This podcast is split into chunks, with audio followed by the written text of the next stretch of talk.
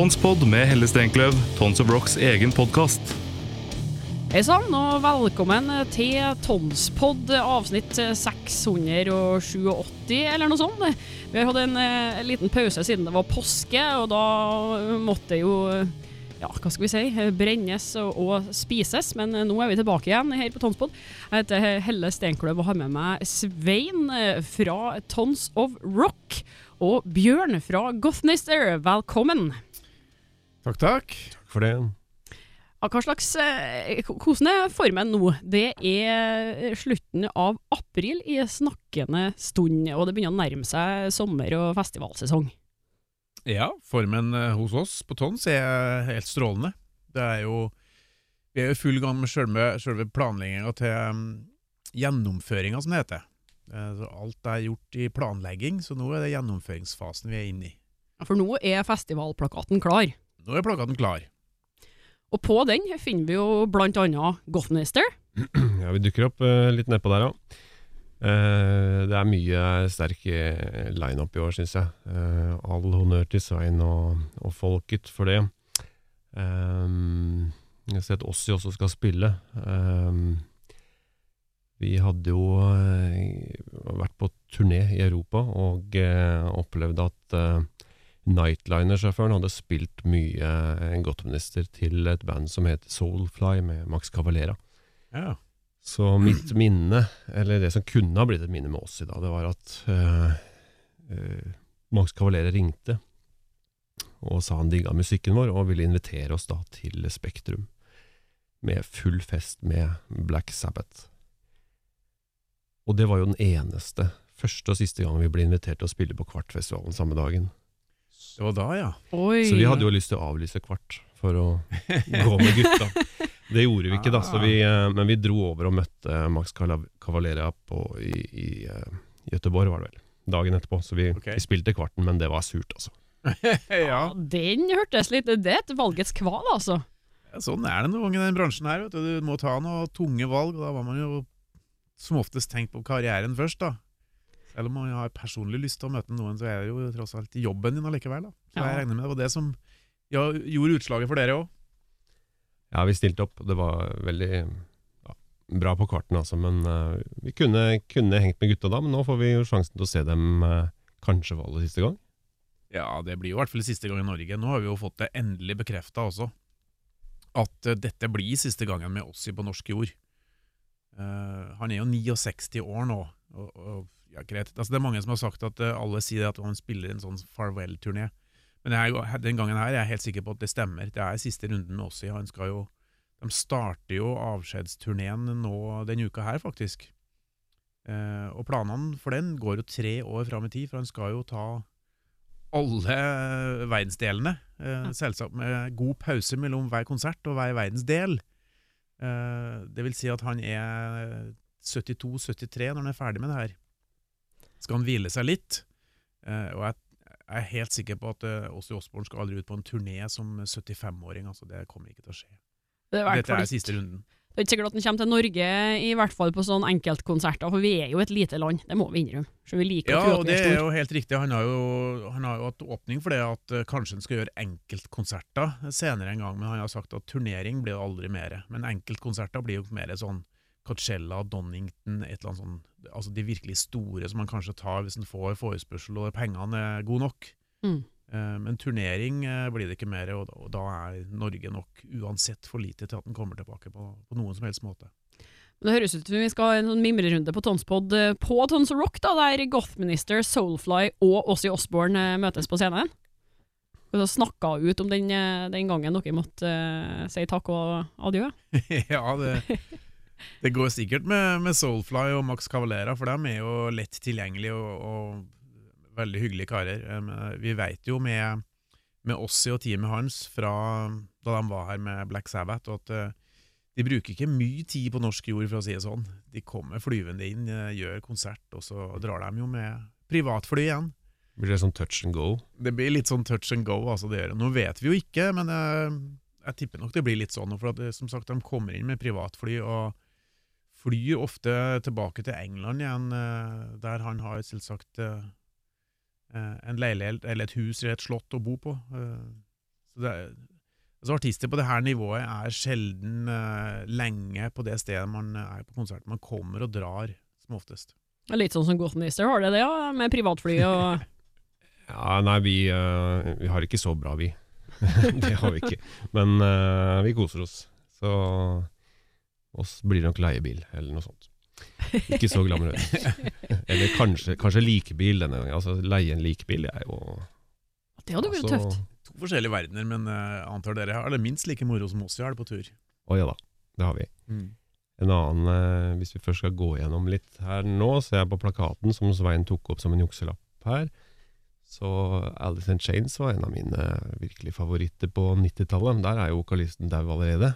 Ja. Lane Staley fikk jo hard medfart, stakkar. Og eh, jeg hadde gleden av å se de på eh, Sentrum Scene med For Lane. konsert. For en konsert. Eh, jeg husker ikke hvilken journalist det var, men påstod at det var playback, for det var så bra konsert. Ja. Det, Det husker jeg også. det går jo også an å si, men eh, det var altså ikke playback. Det var en fantastisk konsert, og eh, også hatt gleden av å høre Alice med den nye vokalisten, som er eh, minst like bra, syns jeg. Veldig bra. Ja.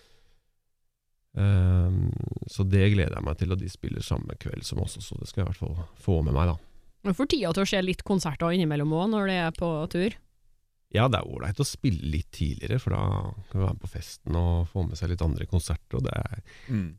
jeg skal ikke si det er nedtur å spille sist, men da er det nesten stengte dører når du er ferdig med å skifte. Ikke sant? Så da det, er, det er ikke så dumt å spille litt tidligere, syns vi. da. Nei, Jeg gleder meg veldig til Alice in Chains-konserten. fordi at eh, For meg er det også litt personlig, for jeg jobba med Alice in Chains den gangen jeg jobba på Sony Music. Så jeg var jo sånn sett med og ga ut de første skivene til Alice in Chains. Husker du hvordan det ble mottatt i eh, Norge den gangen? Alice in Chains var jo svære greier.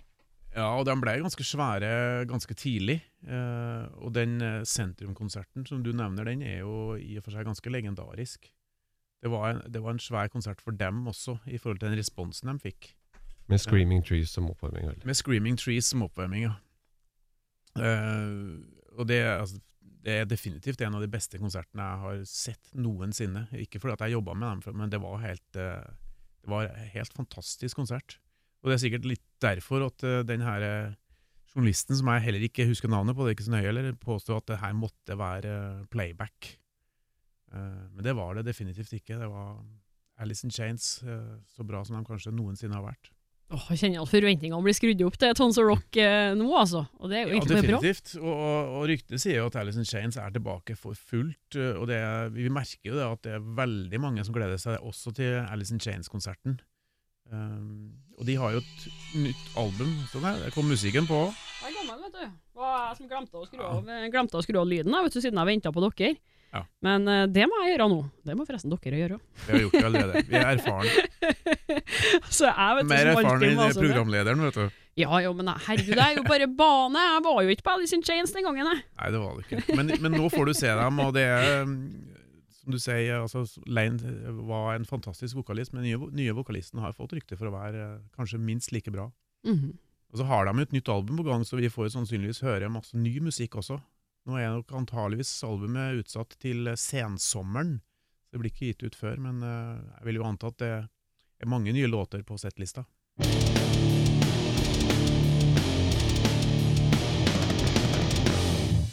Gotham Minister kom ut med en ny plate i fjor, var det vel? Eh, Ja, vi gjorde det. Kommer det, kommer det noe helt nytt nå på konserten i år, eller eh, hvordan eh, legger vi om det? Nei, vi liker ikke å røpe sånne ting. Vi lar det være overraskelser. Vi prøver alltid å overraske med noe. Men det er riktig, vi var på en uh, lengre europaturné med The Other Side, som var uh, da fjorårets album. Uh, og det blir jo Så gjorde vi en konsert på, på Krøsset som passet veldig fint med den turneen. Lite intimt sted, og så blir det Og det var jo Tons of Oslo, så nå er det Tons of. Rock. Så litt større scene. Vi trives jo godt på større scener også. Så det blir, det blir bra. Um, Var det planlagt av uh, sceneshow, da? Det er jo vi spent på. Det er alltid noe moro når Gottminister spiller live. Ja, ser deg si at det er jo større enn Alice Cooper når dere går på scenen, så her er jo forventningene høye. Ja, vi får se hva vi finner på nå. Nå har vi strippet ned sceneshowet litt igjen, men eh, det kan hende det dukker opp nå. Vi har jo hatt en del eh, eh, effekter gjennom årene som som det står litt gjetord om, blant annet denne 250 eller 350 kilos tunge animatroniske demonen som jeg nå har solgt til Meraluna-festivalen. Den, eh, den dro da trommeslageren, eller en animatronisk dukke av trommeslageren, dro han opp seks meter i været og flaksa med vingene, og det var eh, ja, og en, en, en dyr prop som var jævlig tung å frakte rundt, så vi er glad at den ble stående hos en festival til slutt, der den egentlig hører hjemme. Ja. Ehm, og vi har jo hatt fjernstyrte flaggermus, og vi har hatt litt av hvert, men um, det blir litt, uh, litt nye ting nå. Mm. Uh, vi har jo også hatt den uh, kanskje mest mislykka proppen noen gang har investert penger i. Det er jo en, i hvert fall foreløpig, det er en, en jeg tror jeg viste Svein. Det er da en, en Gottmister-figur i, i full size, som er fjernstyrt. Ja, stemmer det. Det holdt på med en stund, ja. Som vi har krasjlanda et par ganger, og den er jævlig vanskelig å fly, så den eh, Den tok aldri helt av? eller? Nei, jeg tror ikke vi får lov til å bruke den heller. Hvor svær er den, da? Ja, den er 1,86, eh, altså oh. naturtro. Den, eh, den kan både huvre og, og, og fly, men vi, vi, vi er på utkikk etter en som er jævlig god til å fly. Så en uh, norgesmester i, uh, i modellflyene, så må vi nok ha. Vi hadde en gitartek som, uten å nevne navn, som var vi prøvde så godt å kunne krasjlande den litt, så det er en effekt som fortsatt er ubrukt da, i konsertsammenheng. Ok, Så vi får se, men um, kanskje på Fredriksten festning. Eh, Det har vært moro. Det er Anledningen er jo eh, mulighet. Det er en jobbannonse her, egentlig. Det er ennå noen måneder igjen til å finne noen som Ja. kan fly ja. Gothministeren sjøl. Ja, ja man, man kan, altså må man være god på, på sånn Mm. flyving. Fjernstyrt fly. ja, må være veldig god på drone. Ja, ja, som drone. Ja. Ok. Men det finnes det mange der ute som er gode på droner. Det gjør det sikkert. Ja. Eh, ellers så har vi jo ja, et eh, bra, bra oppsett av nye og gamle låter. Og noen overraskelser, selvfølgelig, som alltid. Men Hvordan starta det hele med Gothminister? Det er jo ikke sikkert at alle sammen som hører på, har eh, kjennskap eh, til bandet. Det blir jo snart 20-årsjubileum eh, på Aker. Ja, vi begynner å bli gamle. Ehm, det var i 1999 som jeg starta. Jeg hadde bakgrunn fra mange band før. Begynte jo å spille death metal og trash. eh, og eh, spilte i band som het Konseptor. eh, og diverse andre band. Og så var det jo Disko Judas som var eh, det eh, norske industrimetallbandet som vi gjorde ganske mange. Vi runda kanskje 100 De husker jeg. konserter i, i Norge. Ja. Mm. Eh, som jeg tror en del kanskje fortsatt husker, muligens. Ja, Jeg husker det. Eh, Disco Ugos. var tøft, det. eh, da var jeg vokalist og trommeslager, faktisk. Ja. Så ble det en, en splitt i Disco. Altså vi var to mot to. Vi var fire stykker og ble ikke enige, så vi splitta opp. Og da var, begynte jo Godtminister, og så fikk jeg med han ene gitaristen. Så fikk jeg også med keyboardisten, men bassisten i Diskudas, Bengt, han, eh, han stakk sin egen vei. Så han Mm. lagde sitt eget band. Um, Som ble til. Uh, ja, han uh, ga ut to plater med noe som het Dead Ends, uh, og det var jo litt mer sånn støypop.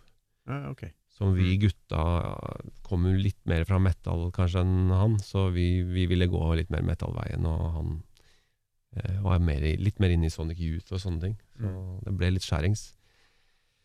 Og så eh, ble det jo sånn at vi ble invitert til å spille i Tyskland. Så første, første konserten vi skulle ha, var på Meraluna-festivalen foran 10 000-15 000 eh, på svær scene. Og det, det var noe helt annet enn det vi hadde gjort med Diskutas på mer sånn klubbscener i Norge.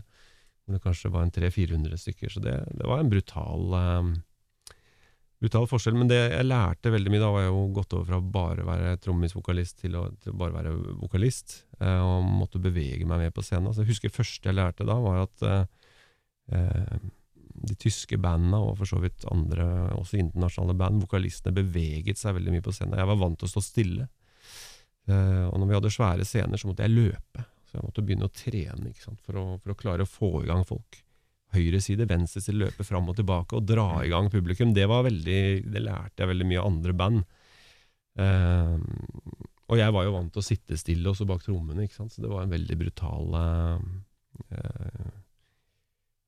en uh, endring da, fra tidligere.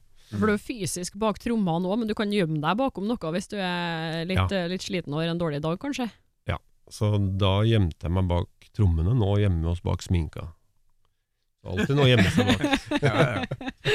Det er jo interessant det du sier om liksom, hvordan man beveger seg på scenen. Sånn, for man, når man starter i rockeband, så tror man at det er ikke det man tenker på. Uh, men hvordan man er på scenen, opptrer på scenen, er en veldig viktig del av opplevelsen for publikum. Mm. Men ofte har du ikke plass til det. De første konsertene man gjør, er jo ofte på så små scener at hvis du beveger deg, så snubler du over gitaristen og trynet utover. Så er det, hvordan skal man få den overgangen eh, der til å bli sømløs når du plutselig står på en stor scene? Nei, altså Det er læring, det der. Mhm. det, det, det er som han sier, altså det, du lærer av andre. eh, at det er en del av gamet. Det er å også opptre på scenen, ikke bare stå og spille. Eh, og I forhold til å være mokolist, så er det klart at en av hovedjobbene er jo å, å jobbe med publikum hele tida. Eh, og da må du lære deg å bevege deg rundt på scenen, og hvordan du beveger deg rundt på scenen. Og det, det, det er tung læring. Jeg, jeg leser veldig mye musikkbiografier. Da kommer det ofte igjen det her at eh, mange band eh, står veldig statisk, naturlig, fra, fra starten av. Eh, men skjønner da etter hvert at eh, det er en del av gamet, det her. Mm. Leste, nå leser jeg om Van Halen. Utrolig interessant bok om Van Halen, og starten på dem. Det er David Lee Roth eh, rett og slett sang helt, helt elendig til å begynne med. Altså han, han ble droppa på første audition til Van Halen for at han, han var sang så dårlig. Men han, han ble etter hvert uh, tatt inn i bandet fordi han var jævlig god til å jobbe med publikum. Han sang som ei geit, men uh, han var dritproff med publikum allikevel. Mm. Så ble han jo en god sanger etter hvert, da. Og apropos gothminister, eh, det å drive med sånn eh, det industrielle og litt gotiske og store showgreiene, det er ikke så veldig typisk innenfor det norske metallmiljøet, egentlig.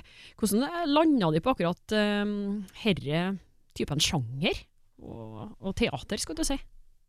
Det var vel egentlig altså mens eh, eh, Gotten var vel et opprør mot punken, så ble Gottminister et opprør mot Gotten, egentlig.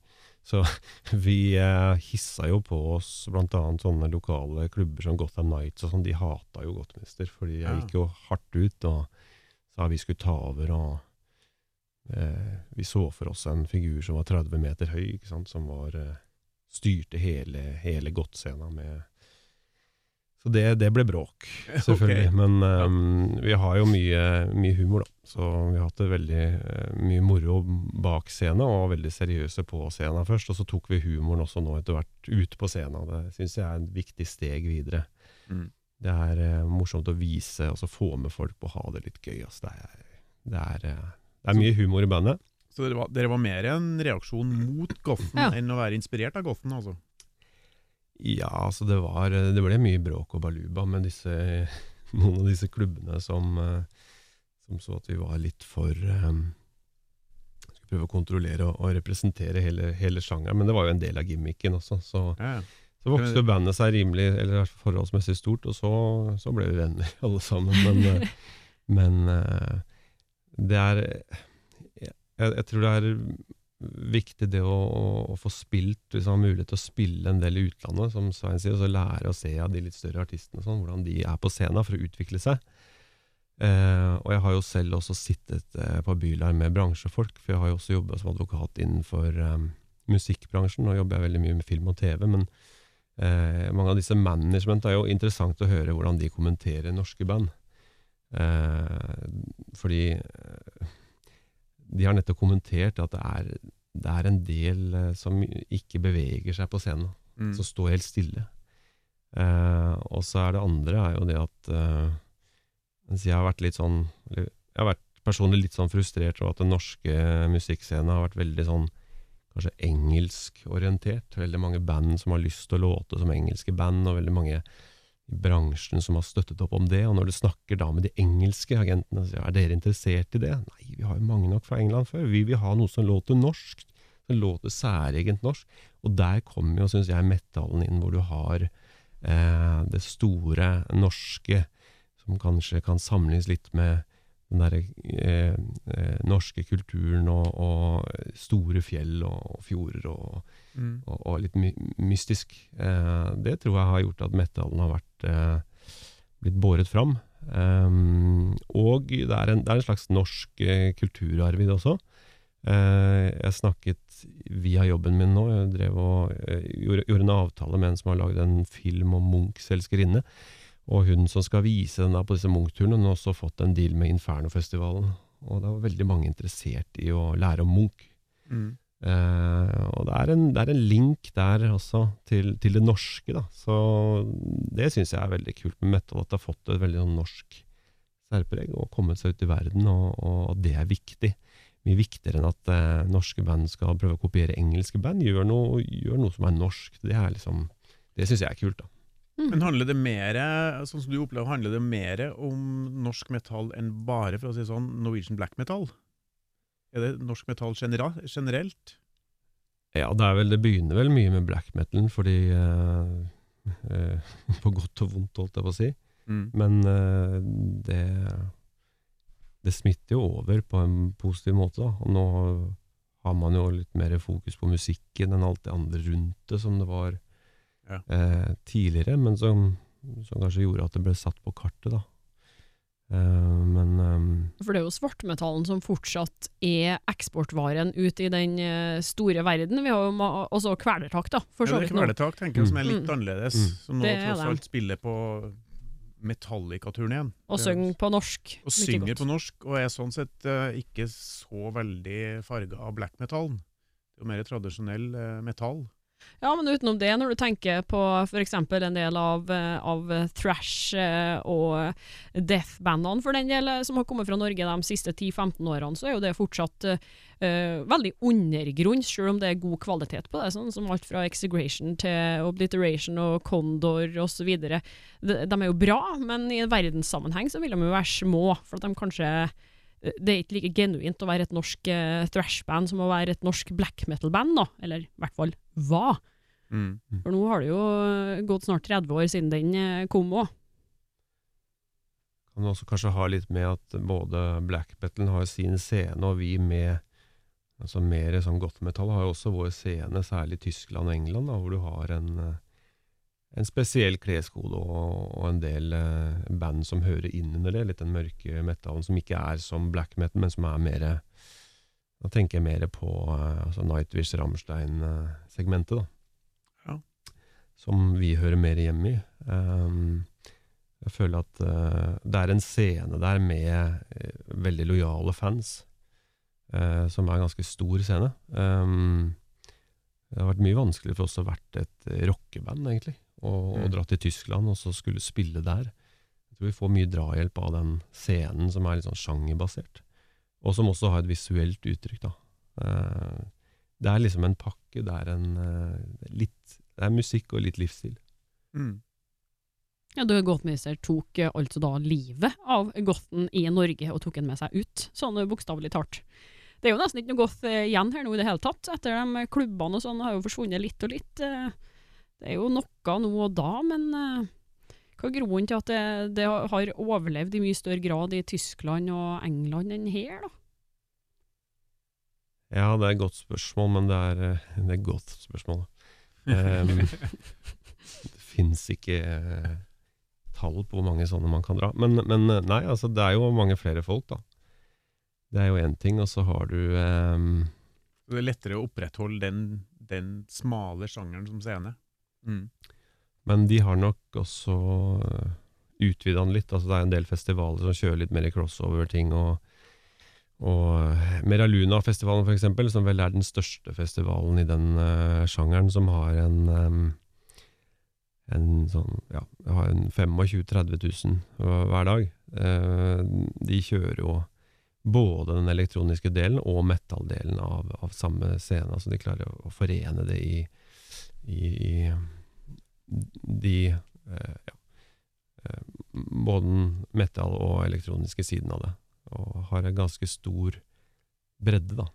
Eh, så jeg syns det er viktig å ikke snevre det inn for mye, mens i Norge så har kanskje snevret inn disse klubbene litt for mye til å bare dreie seg om de gamle bandene, sånn som Sister Mercy og Bauhaus, og i hvert fall for en tid tilbake så var det veldig mye. Det kommer det veldig få folk etter hvert Mm. De som klarer å utvide det litt. Og, Og så er det jo også, i, i Tyskland så har man en, en kultur der hvor DJ-ene spiller en veldig viktig rolle. Det, det, altså klubb-DJ-ene i Tyskland, de spiller jo metallmusikk og godt musikk og sånn, så det, der kan du jo gå og snurre rundt på dansegulvet til Rammstein og alt mulig fortsatt. Eh, det finner du ikke i Oslo, i hvert fall, eller i Norge, tror jeg, noe særlig.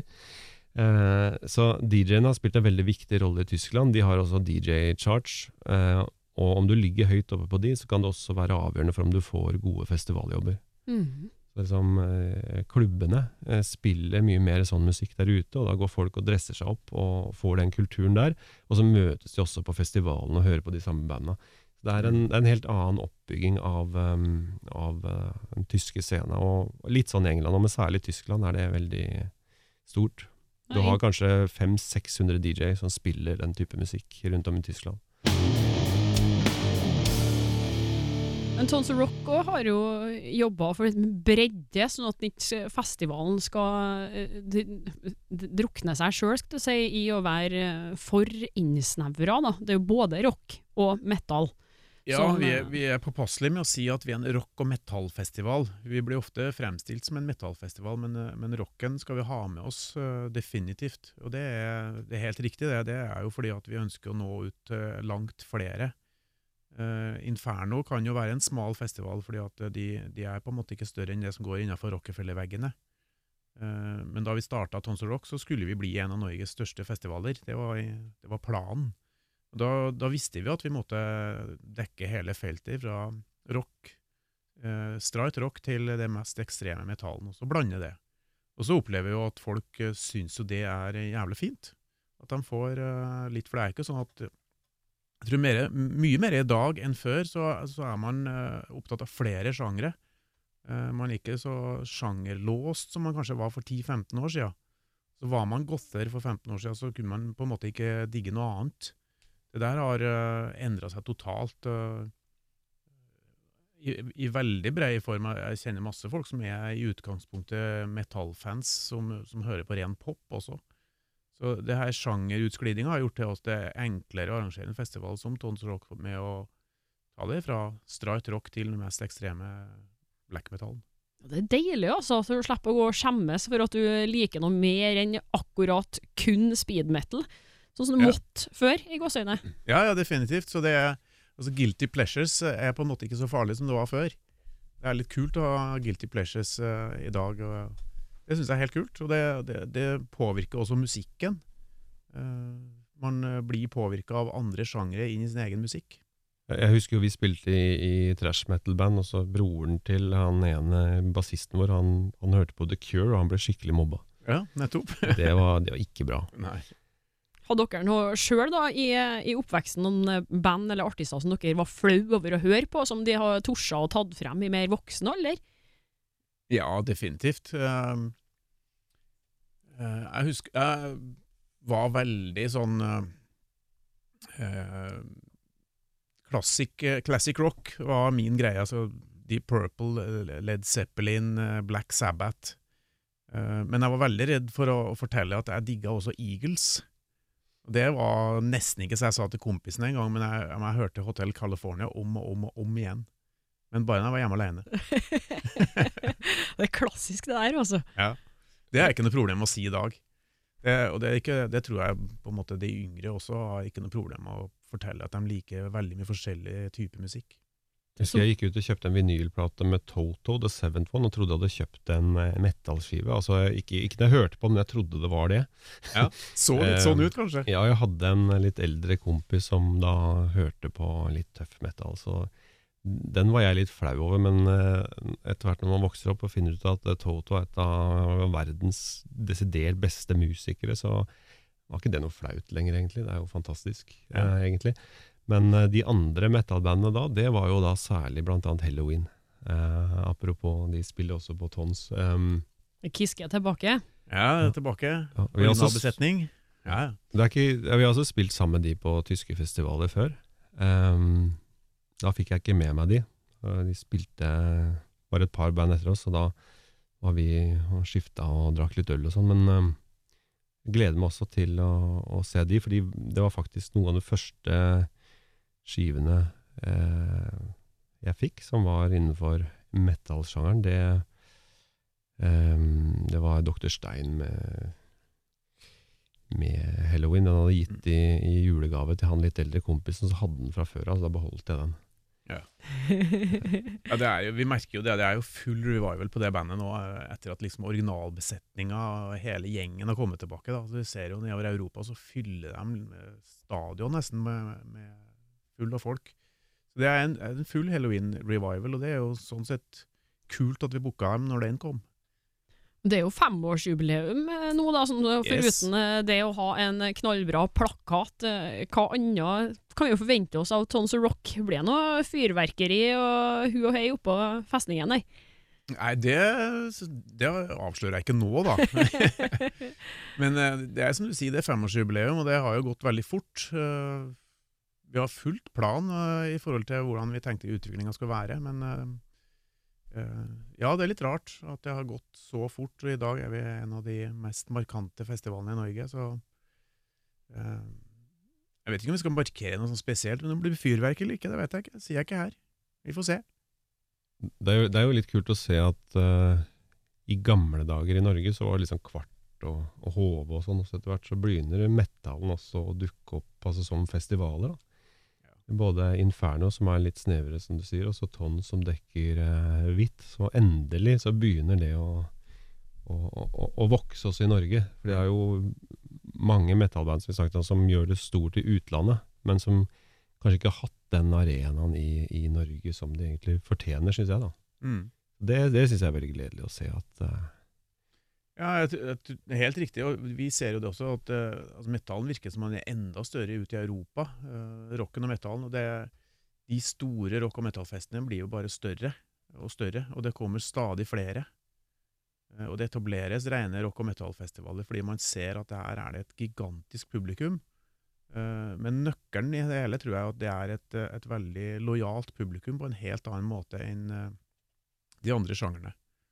Og det, det gjør at man kan bygge opp en festival over flere år, eh, fordi man vet at det er veldig mye det samme kjernepublikummet som, kumme- kjernepublikummet som kommer tilbake år etter år.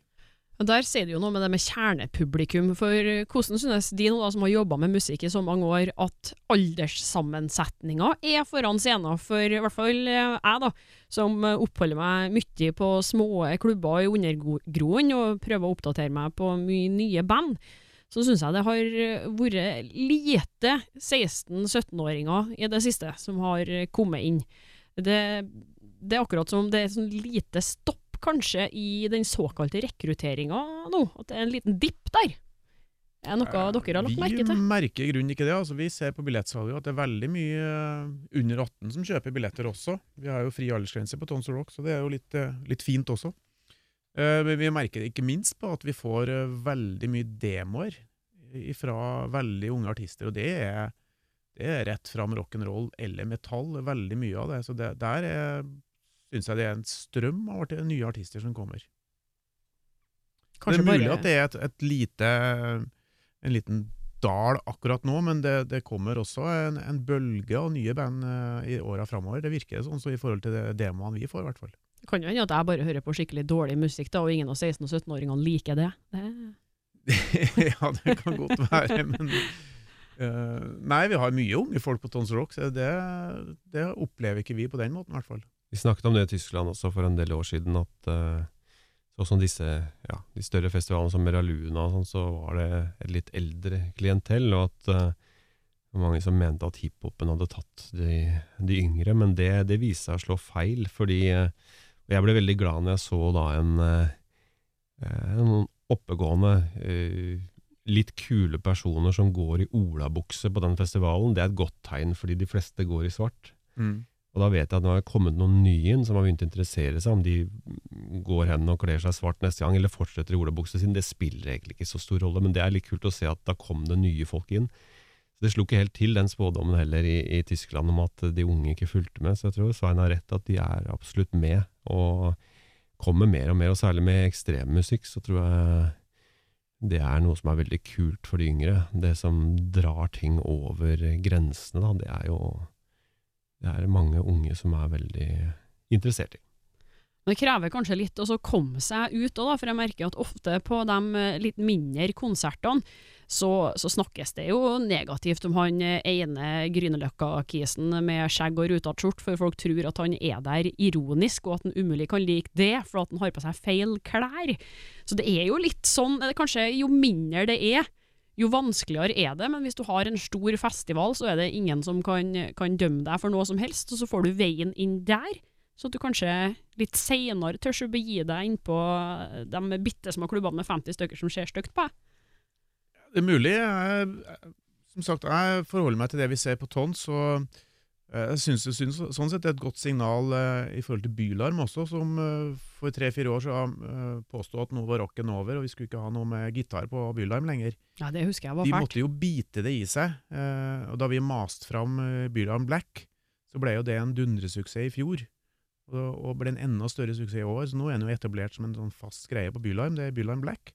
Fordi man ser at her kommer det mye norsk og skandinavisk eh, rock og metal som er meget høy kvalitet.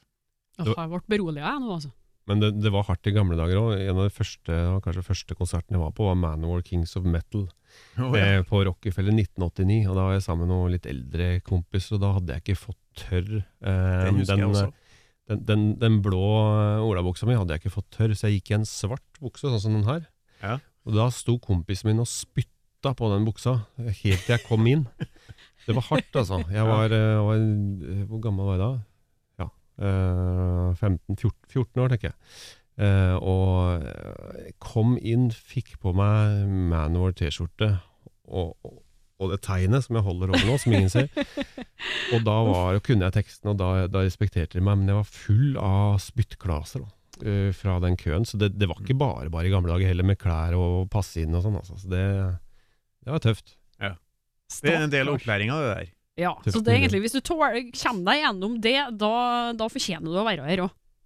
Ja, absolutt. Og det er, når du står for den musikken og tror på den musikken, så er det jo sånn at du, du står i det. Og på en måte så tror jeg du blir enda mer hardbarka.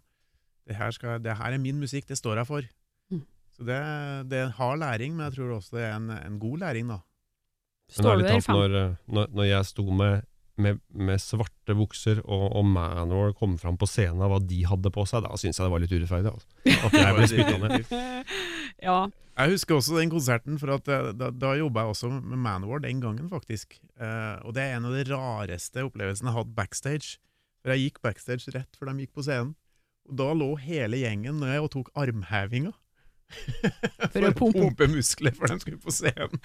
Så jeg gikk inn, så på det, og så gikk jeg ut igjen. For en gjeng, altså. Ja, for en gjeng, altså. Og Manowar klarte å eh, selge ut dem òg med verdens dyreste billetter på Hamar av eh, allting. Så eh, muskler, det, det skulle liksom alltid være best av verdens raskeste bassist og verdens dyreste billetter. Og Ja, det er en merkelig, merkelig greie, men ok.